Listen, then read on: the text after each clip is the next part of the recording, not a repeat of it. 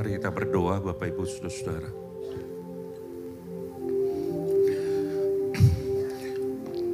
Tuhan hirup pikuk dunia ini terkadang membuat kami menjadi takut dan kami tidak bisa mendengarkan dengan tenang suara Tuhan.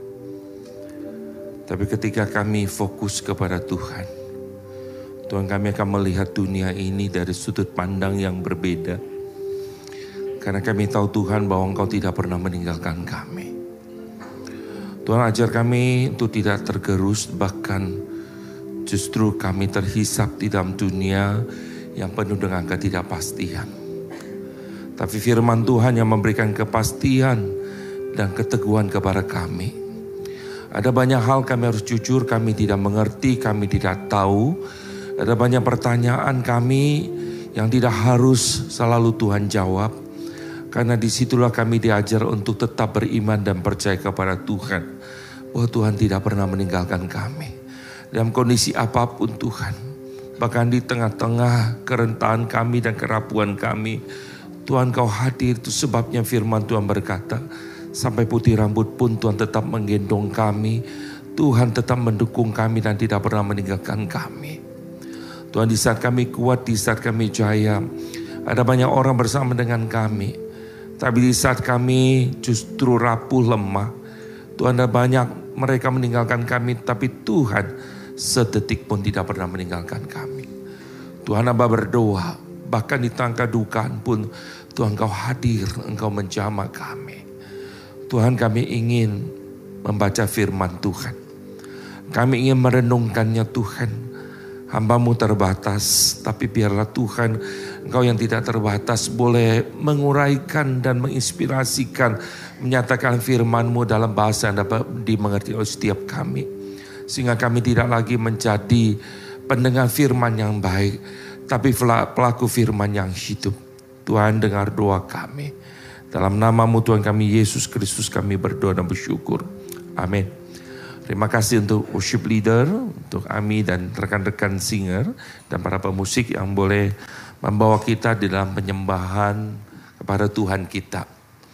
Saudara-saudara, kita bersyukur kepada Tuhan kita bisa memasuki bulan Oktober di tahun 2023, 9 bulan kita sudah lalui dengan pertolongan dan campur tangan Tuhan. Dan kita bersyukur dan kita percaya bahwa Tuhan yang setia juga akan menyertai kita untuk bisa melewati hari demi hari sampai kita bisa menyelesaikan satu pertandingan yang Tuhan berikan kepada kita. Saudara-saudara yang saya kasihi, bulan Oktober adalah identik dengan bulan reformasi dalam kalender gerejawi tentunya. Saudara kita akan belajar mengenai kebenaran firman Tuhan. Kita akan belajar tentang Alkitab tentunya saudara di dalam satu bulan ini. Dan saudara kami undang untuk bisa mengikuti khotbah-khotbah yang berseri berbicara tentang firman Tuhan. Dan saudara pada pagi hari ini kita akan mulai dengan satu topik how do you read. Bagaimana engkau membacanya. Saudara saya ingin ajak kita membuka Lukas 10 ayat 25 sampai 37. Saudara bisa memperhatikan Alkitab saudara masing-masing. Saya akan menampilkan ya ayat-ayat ini kepada Bapak Ibu dan saudara-saudara. Lukas pasal 10 ayat 25 sampai dengan 37 demikian bunyi firman Tuhan. Pada suatu kali berdirilah seorang ahli Taurat untuk mencoba Yesus katanya. Guru, apa yang harus kuperbuat untuk memperoleh hidup yang kekal? Jawab Yesus kepadanya, apa yang tertulis dalam hukum Taurat? Apa yang kau baca di sana? Jawab orang itu, kasihilah Tuhan alamu dengan segenap hatimu dan dengan segenap jiwamu dan dengan segenap kekuatanmu dan dengan segenap akal budimu dan kasihilah sesamamu manusia seperti dirimu sendiri. Kata Yesus kepadanya, Jawabmu itu benar. Perbuat demikian, maka engkau akan hidup. Tetapi untuk membenarkan dirinya, orang itu berkata kepada Yesus, "Dan siapakah sesamaku manusia?" Jawab Yesus adalah seorang yang turun dari Yerusalem ke Yeriko. Ia jatuh ke tangan penyamun-penyamun yang bukan saja merampoknya habis-habisan, tetapi yang juga memukulnya dan yang sesudah itu pergi meninggalkannya setengah mati. Kebetulan ada seorang imam turun melalui jalan itu, yang melihat orang itu tetapi ia melewatinya dari seberang jalan. Demikian juga seorang Lewi datang ke tempat itu ketika ia melihat orang itu, ia melewatinya dari seberang jalan. Lalu datang seorang Samaria yang sedang dalam perjalanan ke tempat itu dan ketika ia melihat orang itu, tergeraklah hatinya oleh belas kasihan. Ia pergi kepadanya lalu membalut luka-lukanya sesudah ia menyiraminya dengan minyak dan anggur Kemudian ia menaikkan orang itu ke atas keledai tunggangannya sendiri, lalu membawanya ke tempat penginapan dan merawatnya. Keesokan harinya ia menyerahkan dua dinar kepada pemilik penginapan itu, katanya rawatlah dia dan jika kau belanjakan lebih dari ini, aku akan menggantikannya waktu aku kembali. Siapakah di antara ketiga orang ini menurut pendapatmu adalah sesama manusia dari orang yang jatuh ke tangan penyamun itu. Jawab orang itu orang yang telah menunjukkan belas kasihan kepadanya. Kata Yesus kepadanya, pergilah dan perbuatlah demikian. Pergilah dan perbuatlah demikian. Saudara-saudara, Presiden Amerika yang pertama, George Washington, pernah berkata demikian, mustahil bisa mengatur dunia dengan benar tanpa Tuhan atau Alkitab. Saudara-saudara tidak mungkin bisa mengatur dunia ini dengan benar tanpa Tuhan dan tanpa Alkitab saudara. Itu sebabnya sudah saya bersyukur setiap kali saya melihat waktu seorang presiden terpilih di Amerika waktu mereka disumpah. Ada satu kalimat yang penting bagi saya yaitu setelah mereka membacakannya bahwa mereka akan setia pada konstitusi, mereka juga akan melindungi, memelihara tentunya orang-orang Amerika karena mereka presiden Amerika. Sudah ada satu kalimat bagi saya penting. Mereka mengucapkan begini, So help me God. So help me God. Tuhan kiranya menolong saya. Tuhan tolonglah saya. Saudara saya berharap bahwa pada waktu mereka menyampaikan itu bukan sekedar lip service. So help me God. Tuhan tolong saya. Tuhan aku butuh Tuhan. Saudara-saudara saya senang dengan dolar Amerika. Saudara tahu tahu sudah saudara ya. Saya bawa dolarnya saudara tapi satu dolar saudara ya, bukan seratus dolar. Saudara pikir senang, wah dolar Amerika karena jumlahnya nilainya besar, apalagi Amerika, dolar Amerika lagi naik katanya. Tapi yang saya mau sampaikan adalah bukan itu. Saudara kalau baca di belakang, ada tulisan cukup indah sekali saudara, cukup besar. Tadi saya ingin ambil dua dolar saudara, tapi kecil tulisannya. Tapi satu dolar ini besar tulisannya. In God apa saudara? We trust. Ya, In God we trust. Jadi ya kami percaya ya dalam Tuhan. Kami percaya kepada Tuhan. In God we trust saudara. Saudara, meskipun saat ini kita lihat sudah terjadi sebuah pergeseran Apakah betul-betul in God we trust? Kita percaya kepada Tuhan. Kita percaya Tuhan setia, Tuhan tidak pernah meninggalkan kita. Saudara apa bukti kesetiaan Tuhan kepada kita saudara? Bahwa Tuhan memberikan firman-Nya. Tuhan memberikan Alkitab ini kepada kita. Tuhan menyampaikan isi hatinya kepada kita. Tuhan berjanji melalui firman Tuhan ini. Bahwa Tuhan tidak pernah meninggalkan kita di dalam situasi apa pun saudara. Saudara, Alkitab bukan sekedar berisi firman Allah. Sehingga manusia harus memilah dan memilih yang mana firman Allah dan mana yang bukan. Tetapi saudara Alkitab adalah firman Allah yang Tuhan berikan kepada kita karena tanpa firman Allah kita tidak tahu bagaimana harus hidup berkenan kepada Tuhan. Ini sangat penting sekali. Itu sebabnya saudara Gary Crimpton dia berkata begini. Firman Allah adalah bagian dan paket diri, dari diri Allah sendiri. Firman Allah merupakan transkrip suci karakternya. Seseorang tidak dapat memisahkan firman Allah dari Allah firman tersebut. Saudara Allah yang berfirman kepada kita. Saudara firman yang tidak bisa kita pisahkan dari Allah itu. Karena saudara pada waktu kita tahu atau ingin mengenal Allah. Tuhan memperkenalkan dirinya. Tuhan nyatakan itu kepada kita melalui firmannya. Surah itu sebabnya kenapa Gary Crimpton berkata firman Allah itu merupakan transkrip suci karakternya Allah, saudara. Kalau kita mau tahu tentang karakter Allah, kita mau tahu tentang siapa dia, saudara. Baca dan firman Tuhan diberikan kepada kita. Amin. Saudara percaya itu? Saudara yakin bahwa ini firman Tuhan? Seberapa kita yakin bahwa Alkitab ini adalah firman Allah? Yakin? Angkat tangan sudah saya mau lihat yang yakin. Betul. Oke. Sudah permisi tanya saudara-saudara. Saya lanjutkan misalnya. Mazmur 19 ayat 8 sampai 10 saya bacakan buat Bapak Ibu saudara-saudara. Saudara Mazmur 19 ayat 8 sampai 10 berkata begini. Titah Tuhan itu tepat. Menyukakan hati, perintah Tuhan itu murni membuat mata bercahaya.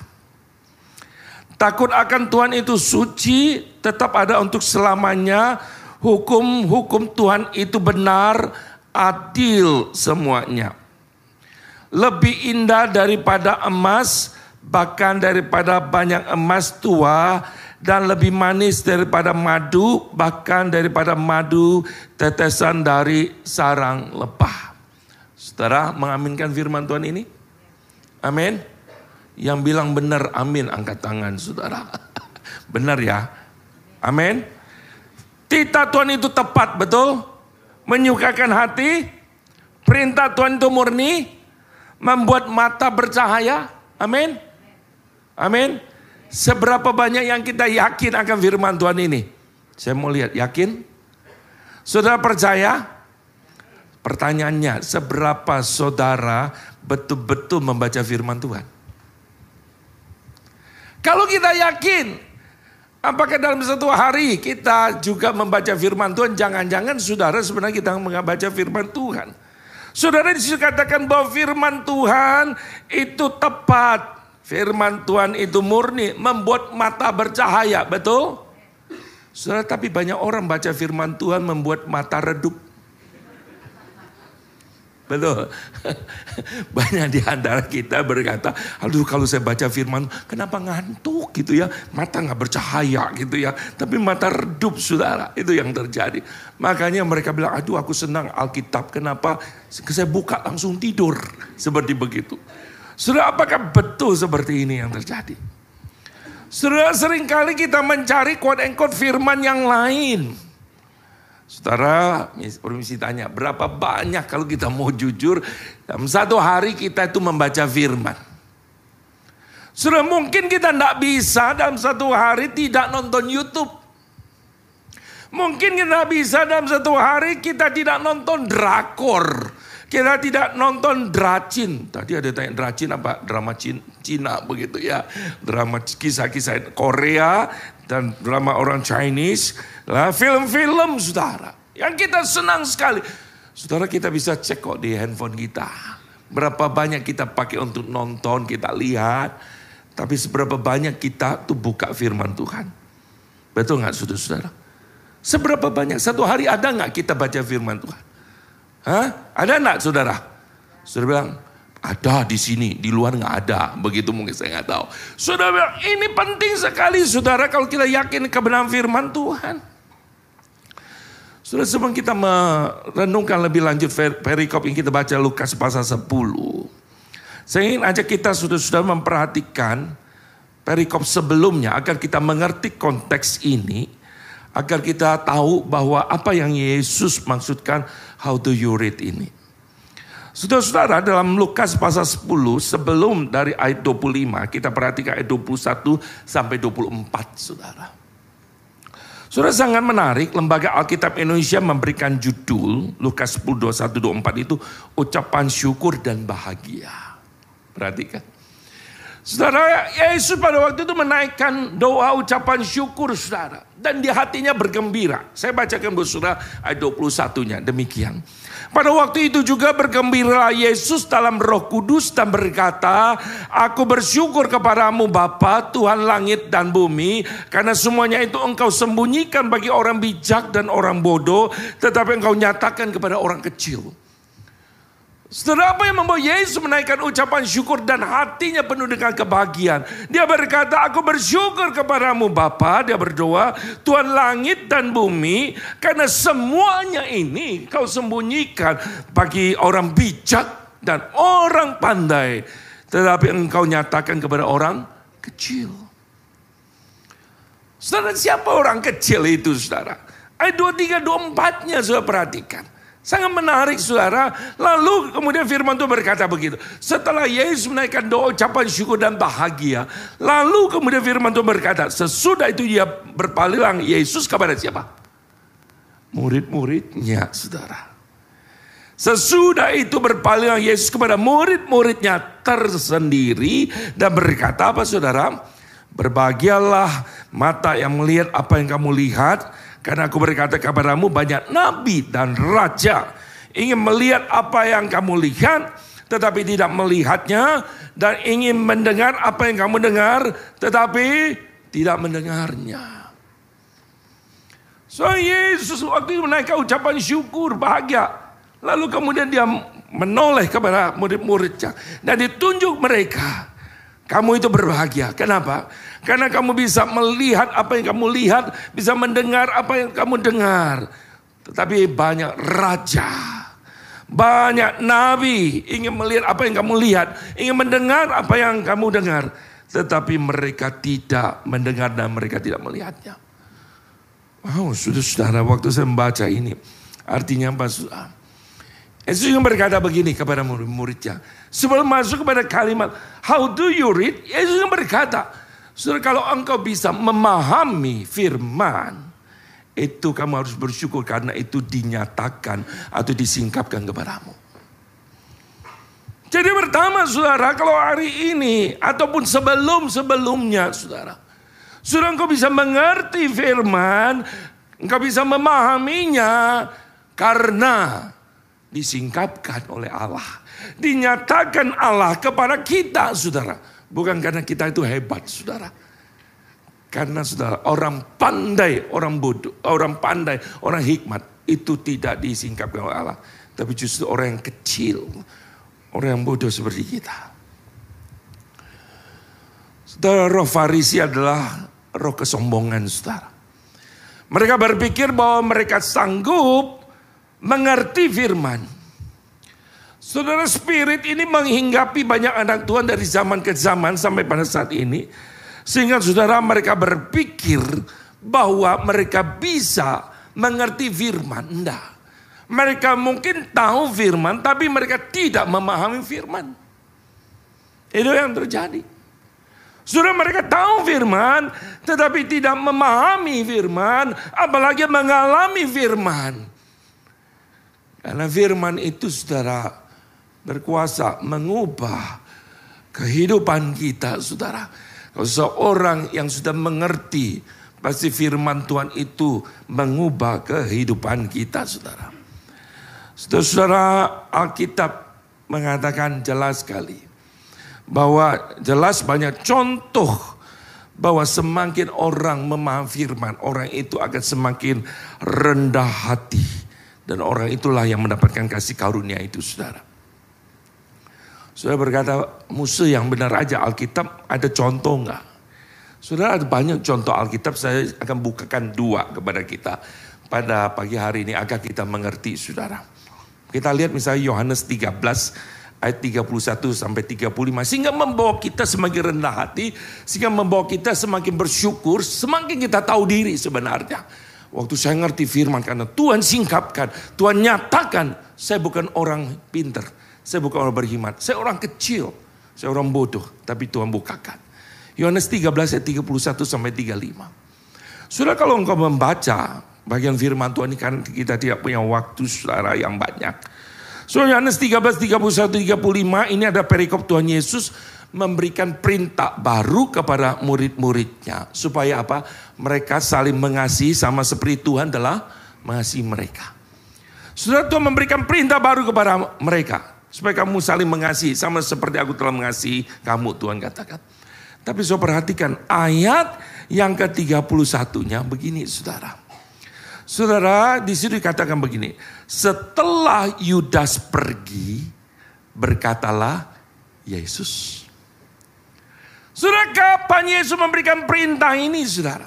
Dalam Yohanes 13 bicara betul, Tuhan Yesus mengasihi termasuk Yudas. Membasuh kakinya. Yudas juga termasuk dibasuh kakinya. Tapi setelah itu selesai, Yudas pergi. Sesudah Yudas pergi, baru Yesus berfirman.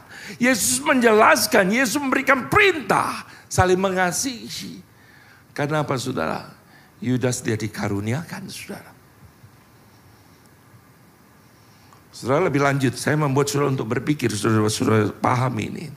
Matius 13. Saudara Matius 13 berisi perumpamaan tentang seorang penabur. Saudara di ayat yang ke-10 saudara, murid-muridnya berkata begini. Maka datanglah murid-muridnya dan bertanya kepadanya, mengapa engkau berkata kepada kata-kata kepada mereka dalam perumpamaan? Murid-murid tanya Tuhan, kenapa kamu berkata-kata kepada mereka dalam perumpamaan? Menarik jawaban Yesus. Jawab Yesus, kepadamu diberi apa saudara? Baca sama-sama. Karunia untuk mengetahui rahasia kerajaan surga. Tetapi kepada mereka tidak. Wow. Yesus berkata, ya kepadamu diberi karunia untuk mengerti, mengetahui rahasia kerajaan surga. Tapi kepada mereka tidak. Wow saudara-saudara, waktu saya tahu kebenaran firman ini, saudara tidak ada kita bisa banggakan diri kita kalau kita tahu firman. Kalau kita mengerti, kalau kita memahami karena kita diberikan karunia untuk mengetahui rahasia kerajaan sorga. Kita disingkapkan, kita dibukakan kebenaran firman Tuhan ini. Sebabnya banyak orang tidak ngerti ketika di dalam penderitaan. Kenapa seperti ini? Tapi ada anak tua di tengah penderitaan.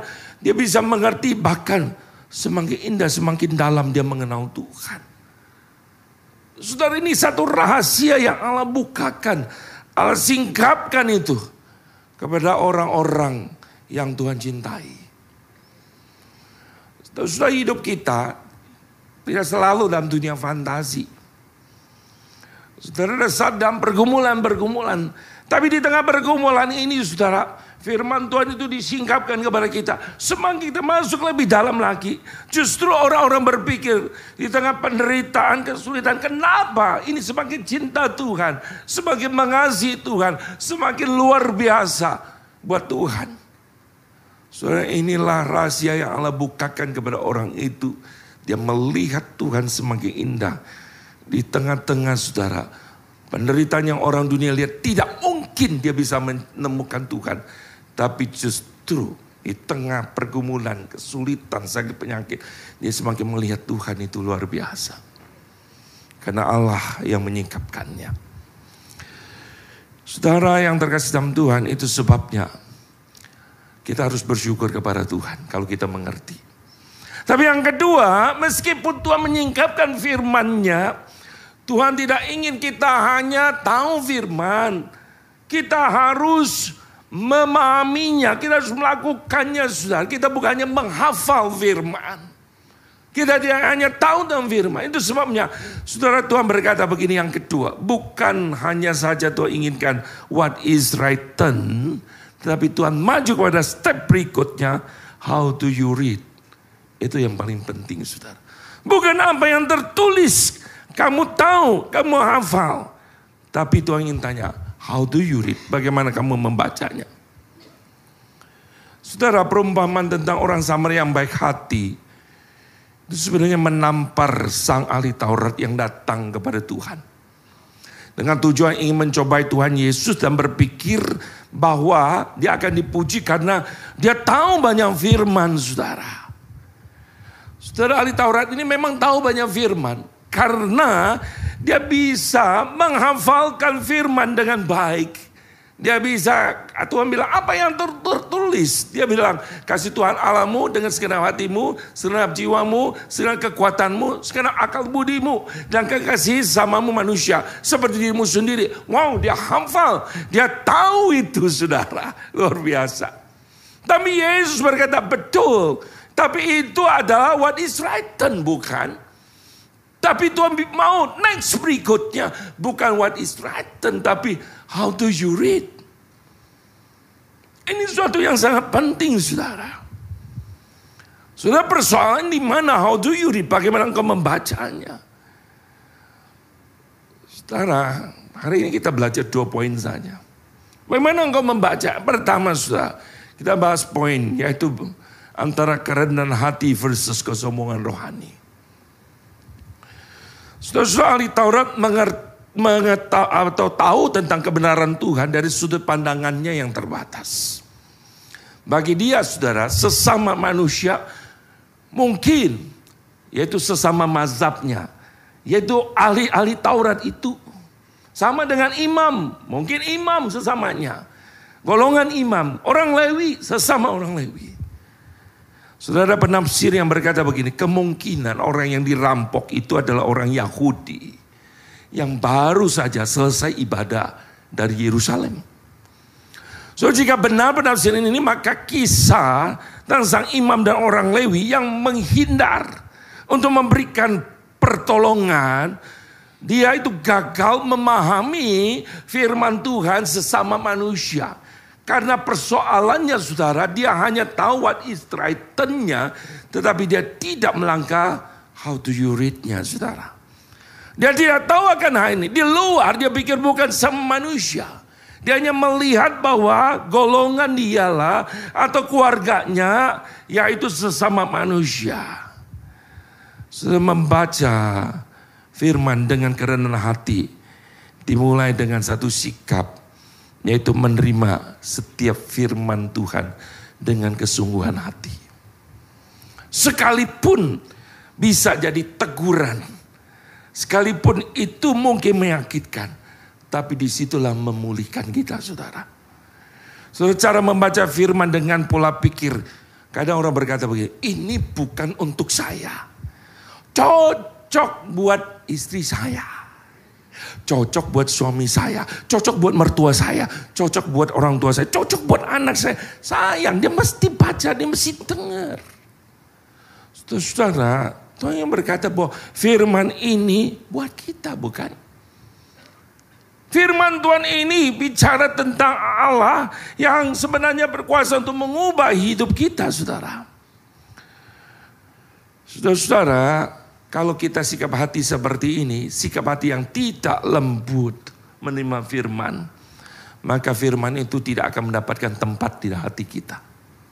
Ini penting.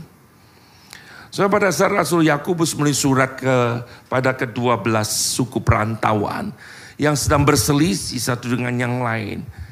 Saudara dalam Yakobus 1:21 luar biasa Paulus ingatkan mereka demikian. Sebab itu buanglah segala sesuatu yang kotor dan kejahatan yang begitu banyak itu. Dan saudara kalimat ini penting. Terimalah dengan apa saudara? Lemah lembut firman yang tertanam di dalam hatimu yang berkuasa menyelamatkan jiwamu. Terimalah firman Tuhan itu dengan lemah lembut. Firman yang tertanam dalam hatimu, saudara. Saudara kadang saudara kita nggak menerima firman dengan lembut. Tapi dengan hati yang sombong keras. Dan kita berpikir aku sudah melakukannya. Aku udah benar. Ini bukan buat saya, ini tidak cocok buat saya. Sudah setiap firman Tuhan kita aminkan. Tuhan ini buat saya. Tuhan aku ambil. Betul ini untuk saya. Saudara pada saat Rasul Paulus dan Silas pergi ke Beria. Dalam kisah Rasul 17 ayat 10. Ada satu kalimat yang menarik dikatakan begini. Orang-orang Yahudi di kota itu, kota Beria. Lebih baik hatinya daripada orang-orang Yahudi di Tesalonika. Kenapa? Karena mereka menerima firman itu dengan segala kerendahan hati. Dan setiap hari mereka menyelidiki kitab suci untuk mengetahui apakah semua itu benar demikian. Kenapa orang Yahudi di Beria lebih baik hatinya daripada orang Yahudi di Tesalonika? Karena mereka menerima firman itu dengan segala kerelaan hati. Saudara mereka menerima firman dengan kerelaan hati.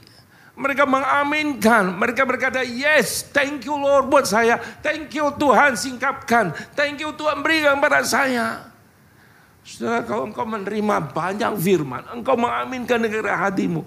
Saudara percayalah bahwa firman Tuhan itu akan mengubah hidupmu semakin hari semakin indah saudara. Nggak usah kita bilang, buat dia aja lah Tuhan, buat dia, saya udah baik. Saudara engkau tidak akan menjadi lebih baik. Kalau sikap hati kita seperti itu. Saudara, how to you read? Bukan dengan kesombongan tapi kerendahan hati. Yang kedua, how to you read? Tuhan mengajarkan kau membaca dengan kasih akan Tuhan versus citra diri. Saudara kenapa bicara tentang kasih akan Tuhan? Saudara, ahli Taurat ini tahu apa hukum yang terutama. Kasihlah Tuhan alamu, dia tahu. Dengan segenap hatimu, segenap jiwamu, segenap kekuatanmu, akal budimu, dia bisa jelaskan itu semua.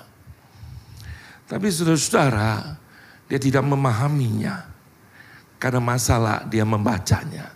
Oleh membaca dengan kasih Tuhan akan berbeda dengan orang yang membaca dengan dasar pencitraan, saudara. Sudah tahu kesalahan dari ahli Taurat dan orang Farisi adalah waktu mereka membaca firman. Waktu mereka mempelajari firman saudara.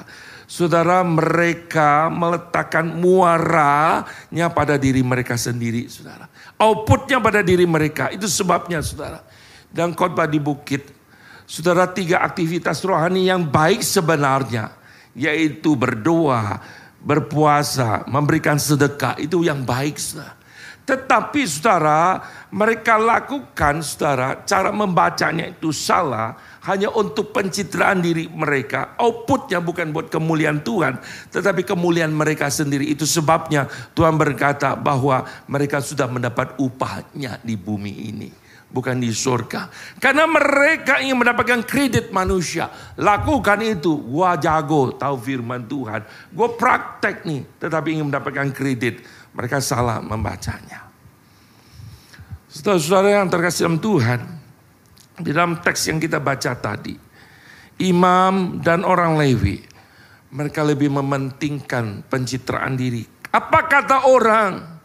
Mereka takut nanti diklaim najis. Mereka takut nanti tidak bisa melayani lagi daripada mereka taat. Melakukan firman Tuhan, memberikan pertolongan saudara.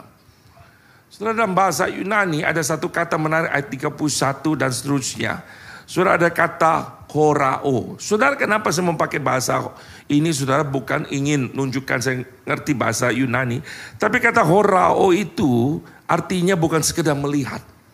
Horao di dalam bahasa Grikanya artinya melihat dan mempertimbangkan. Jadi sudah bukan sekedar lihat, udah. Tapi betul-betul dia lihat, lalu kemudian dia berpikir, mempertimbangkan. Kira-kira untung dan ruginya, mana lebih banyak untung, mana lebih ruginya. Dan dia berpikir, wah kalau buat tolong, gue lebih banyak ruginya. Lebih baik cari aman. Ngapain sih lakukan ini? Udah, nanti ada resiko Ya mereka tidak siap akan hal ini. Itu yang terjadi saudara. Tapi berbeda saudara-saudara. Orang yang cinta Tuhan tentu mencintai orang yang dicintai Tuhan. Saudara mencintai Tuhan, dia punya belas kasihan.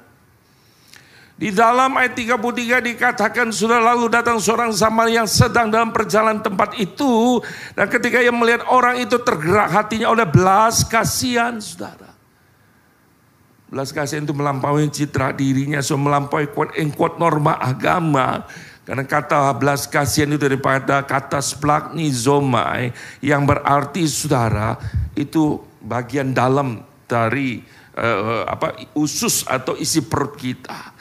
Dan sudah dalam bahasa Ibrani dari kata rakam atau rahim yang tentu saudara ini secara apa namanya eh, figuratif berarti inward affection itu berbicara bagaimana seorang ibu yang mengandung anaknya 9 bulan dan mereka punya hubungan yang secara khusus. So itu sebabnya saudara pada waktu orang Samaria itu melihat saudara orang ini dia tidak tahu siapa orang ini. Dia tidak peduli, tetapi dia harus melakukan firman Tuhan. Karena Tuhan mengatakan, engkau mengasihi Tuhan, tapi juga mengasihi sesama. Dan itu yang dia praktekkan, dan itu yang dia lakukan. Saudara-saudara, tidak perlu kita mau cari pencitraan diri. Kalau kita tahu identitas kita. Tadi WL sudah katakan seperti begitu. Saudara kalau kita sudah dicintai Tuhan, kita nggak perlu penghargaan orang atau penilaian orang. Kita tahu ini yang kita lakukan menyenangkan Tuhan. Saudara, saya mau katakan gini, kita jangan terlalu sedih ketika orang kritik kita. Belum tentu apa yang dikritik itu betul kita sejelek itu. Tapi kita juga jangan berbangga dan lupa diri ketika orang puji kita, belum tentu juga kita seperti itu. Dan belum tentu juga dia tulus. Kenapa kita meletakkan identitas kita diri pada penilaian orang lain? Tahu Tuhan menerima kita, Tuhan mengasihi kita apa adanya, saudara. Itu melebihi segalanya. Jadi saudara, waktu saya baca firman Tuhan dan saya melakukan firman ini bukan dasarnya adalah supaya saya diterima, supaya saya dipuji, enggak. Tapi saya sudah tahu bahwa saya sudah dicintai dan terima oleh Tuhan. Dan itu Tuhan sudah bayar itu lunas tuntas sudah di atas kayu salib. Saudara, bagaimana sebenarnya kita tuh tahu dan mengerti apa kehendak Tuhan. Sudah ada seorang penulis mengatakan begini.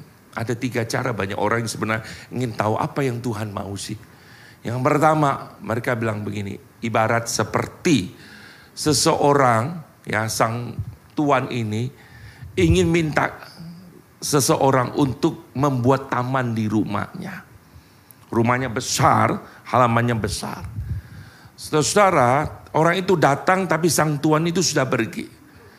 Yang pertama saudara, orang itu berusaha membangun taman itu berdasarkan pikiran dia. Mungkin tuan ini sukanya begini. Lalu dibangunlah taman ini. Sudah menurut dia ini yang Tuhan itu mau. Tapi Tuhan itu tidak suka karena itu bukan yang dikehendaki oleh sang Tuhan itu. Tapi orang yang kedua, saudara-saudara dia berpikir gini, wah sang Tuhan udah pergi, saya tinggal tunggu gini aja. Tuhan itu telepon saya. Tunggu dia telepon, baru kemudian saya tanya. Kalau dia nggak telepon, saya nggak kerjain. Jadi saya tunggu dia kasih tahu saya dulu apa yang harus saya kerjakan. Itu tipe orang yang kedua. Tapi orang yang ketiga, dia datang begini. Wah Tuhan saya pergi. Lalu dia lihat, ternyata ada buku.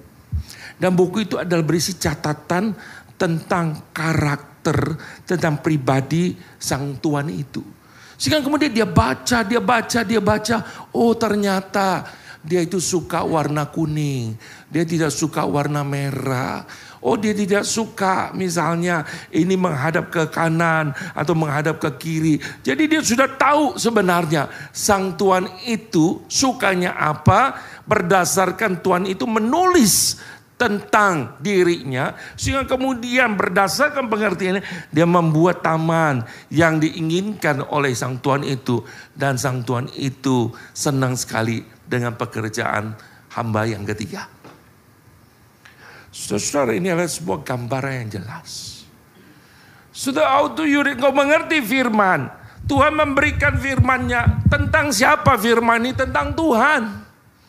Tentang apa yang Tuhan suka. Tentang siapa dia. Bagaimana karakternya. Saudara, inilah diri Allah. Jadi waktu kita yang tahu, mengerti Allah, sudah kita baca firman ini. Sehingga saya tahu, oh waktu saya mengerjakan Tuhan maunya begini. Setelah hari ini firman Tuhan diberikan kepada kita. Betapa banyak kadang kita menyanyiakannya saudara. Firman Tuhan ini. Saudara kita masih bersyukur. Karena negara kita memberikan kesempatan kepada kita untuk bisa berbeda dengan bebas. Dan kita bisa memiliki Alkitab dengan bebas. Tapi ada saatnya di mana saudara-saudara kita tidak tahu. Di saat mungkin dilarang dan kita tidak bisa baca firman. Di saat gadget kita tidak boleh lagi kita install firman. Di situ kita rindu, kita menangis. Saudara kita sudah lewati kesempatan-kesempatan yang Tuhan berikan. Firman Tuhan dengan mudah kita peroleh. Tapi kita tidak pernah menghargai. Itulah kasih karunia Tuhan yang Tuhan berikan kepada kita. Saya berdoa saudara. Bila Tuhan menolong kita. Tuhan menyingkapkan kebenaran ini kepada kita. Agar kita tahu bagaimana mengerti memahami, membaca firman Tuhan dengan benar. Amin. Kita ambil waktu teduh.